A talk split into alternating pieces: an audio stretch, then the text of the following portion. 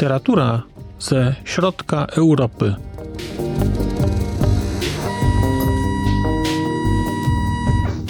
Podcast około książkowy. Dzień dobry. Witam Państwa po raz kolejny. Marcin Piotrowski. Zapraszam Państwa na kolejne spotkanie z literaturą środkowoeuropejską. Tym razem czwarty, ostatni chwilowo odcinek zamykający spotkanie z twórczością Lajosza Grendela.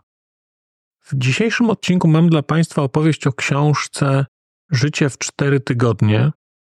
Książce, która ukazała się w Polsce nakładem wydawnictwa Pogranicze z Sejn w ramach serii Meridian.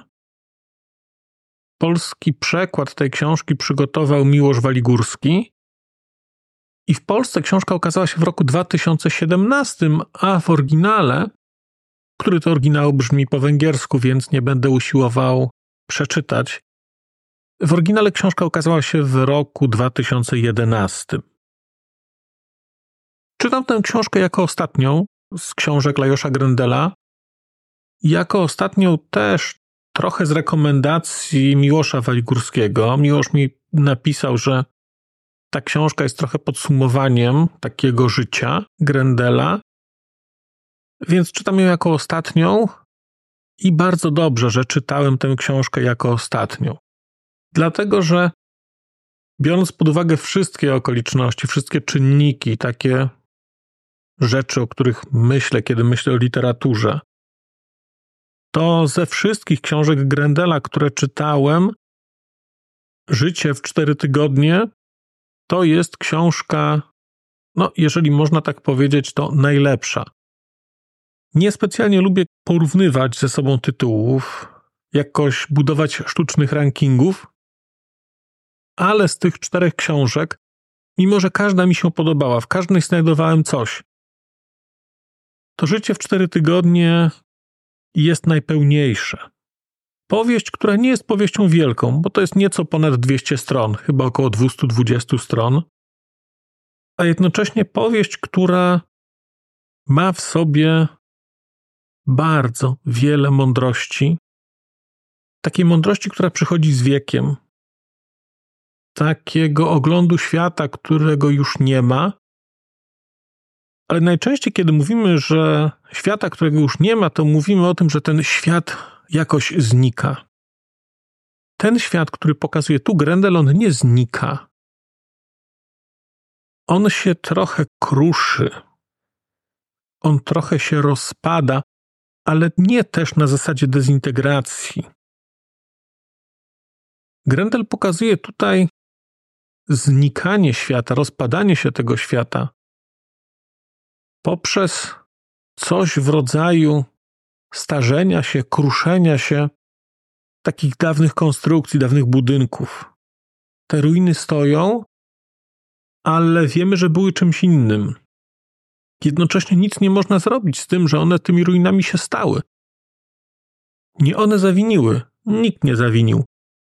No, czas po prostu pewne rzeczy wymusił na rzeczach. I życie w cztery tygodnie jest opowieścią o tym, jak czas wymusza pewne rzeczy na ludziach. Na tę książkę można patrzeć na wiele różnych sposobów i czytać ją na wiele różnych sposobów. Ja chciałem w ramach tego odcinka opowiedzieć Państwu o dwóch spojrzeniach na tę książkę. I te dwa spojrzenia będą związane z dwiema interpretacjami tytułu. Zacznijmy od pierwszej, takiej najbardziej oczywistej. Życie w cztery tygodnie. Główna akcja tej książki związana jest z tym, że do swojego starego domu przyjeżdża główny bohater, Sanio Varga. Sanio Varga jest już człowiekiem starszym. Wydaje mi się, że ma około 70 lat. Przyjeżdża, bo jakaś jego rodzina gdzieś wyjeżdża na wakacje i on przyjeżdża przypilnować domu, domu, w którym kiedyś mieszkał. Mieszkał ze swoją matką, ale także z jej dwiema siostrami. Jako dziecko ten dom pamięta, no i mieszka w tym domu w tym prowincjonalnym małym miasteczku, gdzieś na końcu Słowacji, przy granicy z Węgrami. Jest Węgrem, ale mieszka na Słowacji, mieszka w tym miasteczku i zasadniczo snuje opowieści, wspomnienia o swoim życiu, o różnych fragmentach swojego życia. Są więc zdarzenia, które mają miejsce w teraźniejszości, ale są to pojedyncze zdarzenia i są to raczej ramy, raczej formuły, w które wpisują się wspomnienia Sanio z wcześniejszych lat życia. No i to życie w cztery tygodnie to są wspomnienia. To są wspomnienia, które się pojawiają cały czas w tej książce. Opowieści o tym, jak był dzieckiem, jak dorastał, pierwsze miłości, pierwsze spotkania, historia życia rodzinnego, historia trochę Słowacji, Czechosłowacji. Ale nie jest to zupełnie książka o historii, tak jak możemy ją rozumieć my, jako sumie zdarzeń. To jest książka o historii jako pewnym procesie. I chyba najlepiej o tym, jak Lajos Grendel rozumie tę historię, najlepiej o tym opowie chyba sam Grendel, bo pisze taki fragment. Historia nie jest bowiem przezroczystą abstrakcją, lecz zawsze występuje pod postacią konkretnych ludzi i w ten sposób wdziera się do naszego życia, by je zniszczyć lub wynieść na piedestał. Biedna Emma była tylko narzędziem. Narzędziem w rękach szatana, dodajmy, bo to on zawiaduje historią od początku jej istnienia. I trzeba przyznać, że robi to z niebywałą wprawą. Ta historia, która tutaj się pojawiła, była napisana wielką literą. I mimo, że to jest opowieść rodzinna, to ona jest osadzona w jakimś kontekście historycznym. Oczywiście kontekst historyczny Węgra mieszkającego na Słowacji nie może nie uwzględniać roku 56 i powstania w Budapeszcie, nie może nie uwzględniać praskiej wiosny 68 roku i tego, co działo się w Czechosłowacji, i nie może nie uwzględniać zmiany po roku 89. I te wszystkie rzeczy się tutaj pojawiają, ale są one tłem, odległym tłem, głębokim echem. Na to wszystko nałożona jest historia rodzinna. Jak zwrócili Państwo uwagę w jednym z komentarzy do poprzednich filmów, w którejś z książek Grendela, bodajże w Szajce, jest to książka pozbawiona formalnie akcji. Życie w cztery tygodnie wydaje mi się, że będzie też podpadać pod taką ocenę. Można powiedzieć, że jest to książka pozbawiona akcji. Ona oczywiście w jakimś stopniu tam występuje, w jakimś stopniu tam jest akcja. Ale istotą tej książki nie jest akcja rozumiana jako suma zdarzeń. Istotą tej książki są wspomnienia i obrazy z przeszłości, które mówią wiele o głównym bohaterze, o czasach, o miejscu, w którym żył. No i o czasach już mówiłem trochę. No i pora powiedzieć trochę o miejscu. Bo ta książka jest kwintesencją myślenia o małym prowincjonalnym miasteczku.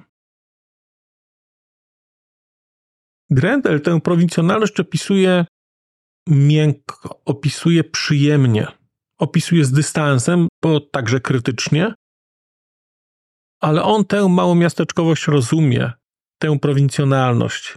I uświadomiłem sobie, że kiedy czytałem Życie w cztery tygodnie, to przed oczami stawały mi sceny z filmu Gendarme Saint-Tropez. Oczywiście inny kontekst kulturowy, ale nadal małe miasteczko, ludzie, którzy się znają. Jest tutaj w tej książce, wydaje mi się, pokazana kwintesencja prowincjonalności i małego miasta w postaci tak zwanych ludzi godnych szacunku. Ten wątek w ogóle pojawia się w tej książce kilkanaście razy. kim jest człowiek godny szacunku? To dość proste. To jest ta osoba, której będziemy się chcieli ukłonić pierwsi. To jest ta osoba, którą będziemy pytać, jak zdrowie szanownego pana. To jest ta osoba, o której opinię będziemy zabiegać, będziemy ciekawi, co ona myśli o czymś. Pięknie tutaj wybrzmiewa, że nie ma to nic wspólnego z majątkiem, nie ma to nic wspólnego z pozycją społeczną. Osobą godną szacunku może być zwykły kolejarz, listonosz albo dyrektor szkoły. To nie ma znaczenia. Osobą godną szacunku się człowiek staje poprzez sumę zdarzeń swojego życia. Nagle odkrywa, że to jemu się ktoś pierwszy kłania. A jednocześnie osobą godną szacunku można zostać tylko w małej społeczności. W większej społeczności nie ma czegoś takiego, to nie będzie działać. No bo jak? Większej społeczności nie ma takich bliskich więzów. Tutaj są, ale jednocześnie wraz z rozwojem nowoczesności, postępem nowoczesności, rośnięciem miasta, pojęcie tych osób znika. Nie to, że zupełnie, ale w naturalny sposób to się wykrusza. To jest właśnie świat, którego nie ma. Poza osobą godną szacunku musi być też w mieście charakter. I w mieście portretowanym przez Grendela w życiu w cztery tygodnie jest charakter. No, charakter też może być dobrym człowiekiem. To w ogóle nie o to chodzi, że ktoś musi być zły. Natomiast musi być ktoś, kto tę rolę złej osoby będzie odgrywał. Z czasem charakter może stać się człowiekiem godnym szacunku. Co więcej, kiedy tego charakteru zabraknie, to brakuje czegoś w mieście. Kiedy dana osoba wyjeżdża, no to szuka się kogoś innego, kto będzie tę rolę pełnił. Osoba, która tę osobę ma zastąpić, inny dozorca szkoły. Okazuje się, że się nie nadaje, bo jest po prostu zwykłym, poczciwym człowiekiem, ale i tak przez jakiś czas usiłuje się mu tę rolę narzucić. No ale nie wychodzi to. Wspaniałe, wspaniałe pokazanie, rozpisanie ról społecznych, dostrzeżenie pewnych zjawisk, pokazanie tego, opisanie. Przepiękna historia. I w ogóle myślę sobie też o tym, że kiedy ta historia dotyka takie małe miasta, to dotyka je w różny sposób. I gdzieś wcześniej już u Grendela pojawiał się wątek senności, tego, że się w tych małych miastach prowincjonalnych przesypia życie. To tutaj też jest pokazane, ale jednocześnie wyciągnięte jest to na ten poziom abstrakcji, że to przemijanie życia jest bardzo uniwersalne. Proszę posłuchać następującego fragmentu. Proszę posłuchać, jak Grendel to pięknie opisuje. Ta książka na poziomie językowym, sposobie posługiwania się słowem, opisów, metafor jest arcydziełem. To się czyta z przyjemnością i wraca się do niektórych zdań, żeby przeczytać je powtórnie, żeby wybrzmiały, żeby jeszcze raz usłyszeć tę frazę, żeby jeszcze raz znaleźć te bonmoty, które tu padają, bo jest ich tu sporo. No ale czym jest przemijanie? I kiedy będziecie słuchać Państwo tego fragmentu, zastanówcie się, w jakim stopniu to dotyczy Was i czy Wy nie czujecie się podobnie, jak opisuje tu Grendel.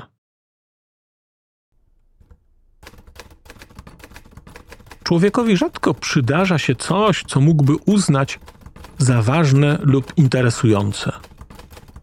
Bywa, że coś takiego nie przydarza się nigdy. Zazwyczaj ludzie przeżywają życie, nie uświadamiając sobie, na czym ono upływa. Nie wiedzą, czego w zasadzie mieliby się po nim spodziewać. Zmieniają się pory roku, znów jest Boże Narodzenie, potem przychodzi kolejna wiosna i kolejne leniwe lato. Trzeba usunąć ząb, zacząć nosić okulary do czytania. Dzieci wyrosły i sprawiają więcej kłopotu niż kiedy były małe. Oto treść dnia powszedniego. No i przyznam, że być może z racji wieku, w którym jestem, uświadomiłem sobie, że dawno nie czytam niczego tak prawdziwego. Czegoś, co w jednym akapicie zawarłoby istotę przemijania, ale nie litując się nad sobą, tylko po prostu mówiąc o tym przemijaniu takim, jakim jest. I to prowadzi nas do drugiej części tychże rozważań, bo ta książka moim zdaniem jest rozważaniem o wspomnieniu i o przemijaniu. Bo na życie w cztery tygodnie można spojrzeć też zupełnie inaczej. Czym jest życie w cztery tygodnie? Co to znaczy życie w cztery tygodnie i dlaczego w cztery tygodnie? Bo jeden wątek to to, że warga jest w tym miejscu cztery tygodnie. Ale, no właśnie, posłuchajcie Państwo takiego fragmentu Ile trwa życie? Jeśli średnia wieku człowieka wynosi 70 lat, to 70 razy 365 plus jeden dzień na każdym roku przestępnym to dużo czy mało? Ile z tego jest w stanie zakodować nasza pamięć? 10%? 5%? Nawet nie tyle. 90% przepada bez śladu. Czy potrafisz sobie przypomnieć, co robiłeś, dajmy na to, 3 marca 1993 roku? Według mnie życie to suma wspomnień. Cztery tygodnie, nie więcej. 70 lat mieści się w 28 dobach. Pozostałe dni, godziny, minuty można wyrzucić do śmieci. I wydaje mi się, że to jest dla mnie drugi poziom tej książki, mniej oczywisty, ale znacznie głębszy. Historia o wspomnieniach, historia będąca wspomnieniami, będąca wspomnieniami różnymi, wspomnieniami gorzkimi, wspomnieniami miłymi, bardzo, bardzo różnymi.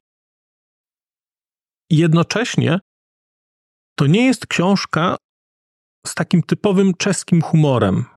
Bo możecie Państwo tak się spodziewać, że kiedy powiedział, że to było słodko, gorzkie, to to będzie takie czeskie. To nie jest czeskie.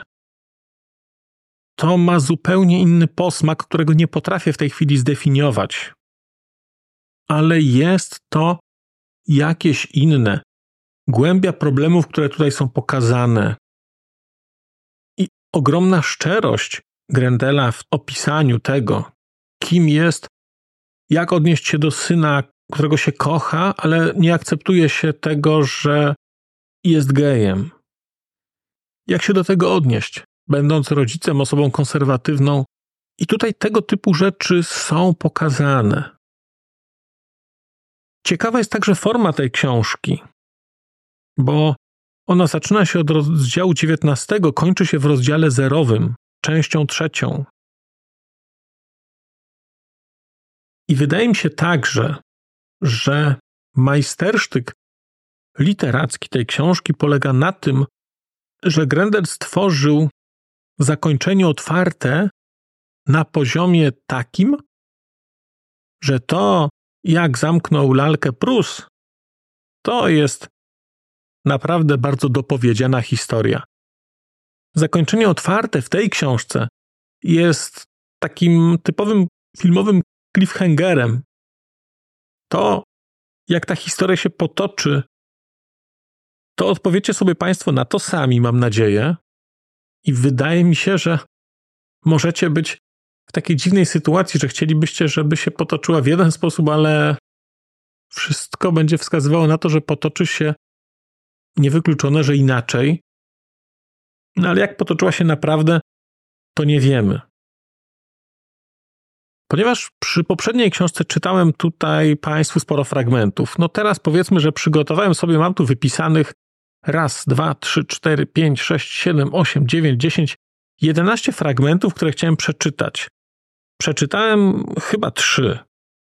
Ale to, jak pisze Grendel, to jest tak cudowne, a w tej książce to wybrzmiewa naprawdę najmocniej, dlatego że ta książka nie jest przechylona w żadną stronę To nie są postmodernistyczne zabawy formą, których doświadczałem w zbiorze Poświęcenie Hetmana. To nie jest satyryczny obraz jakiejś rewolucji z dzwonów Einsteina.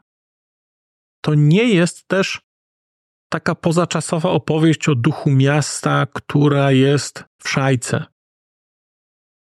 To jest bardzo spójna, zamknięta historia, no, mimo że zamknięta zakończeniem otwartym, ale bardzo spójna historia, bardzo współczesna, której bardzo łatwo się odnaleźć.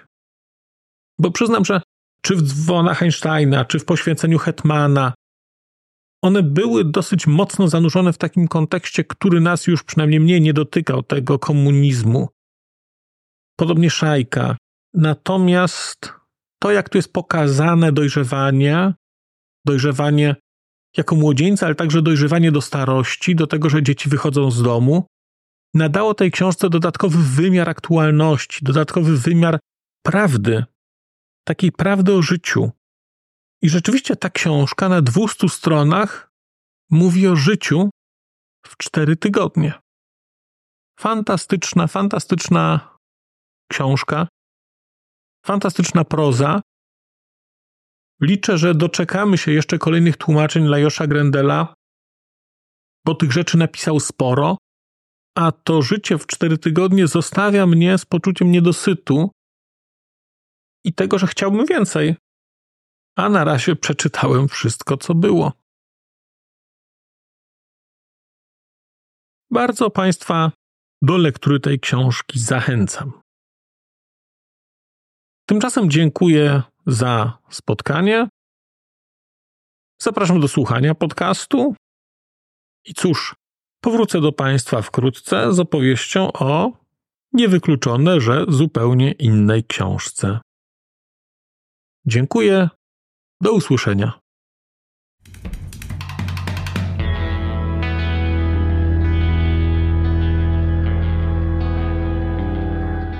Bardzo dziękuję Państwu za wysłuchanie tego odcinka, bo skoro jesteście w tym momencie, to znaczy, że wysłuchaliście go do samego końca.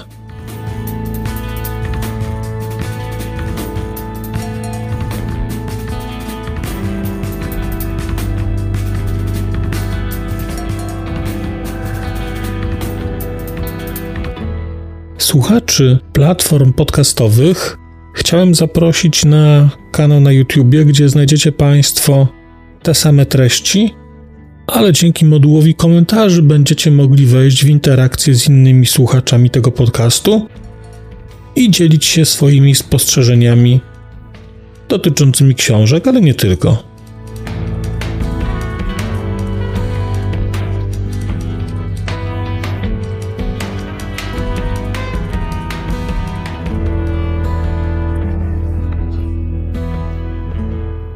Oprawa muzyczna tego odcinka została zrealizowana na bazie muzyki słowackiego zespołu Longital.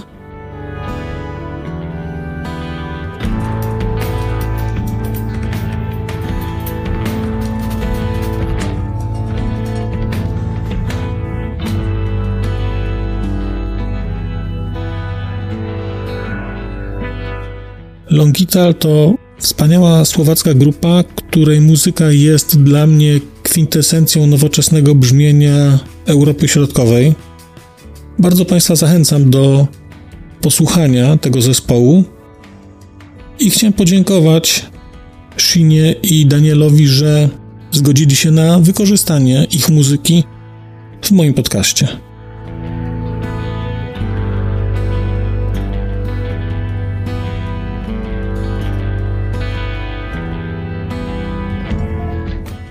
Krzysztof a Daniel, Ďakujeme vám veľmi pekne, že ste nám umožnili použiť vašu hudbu.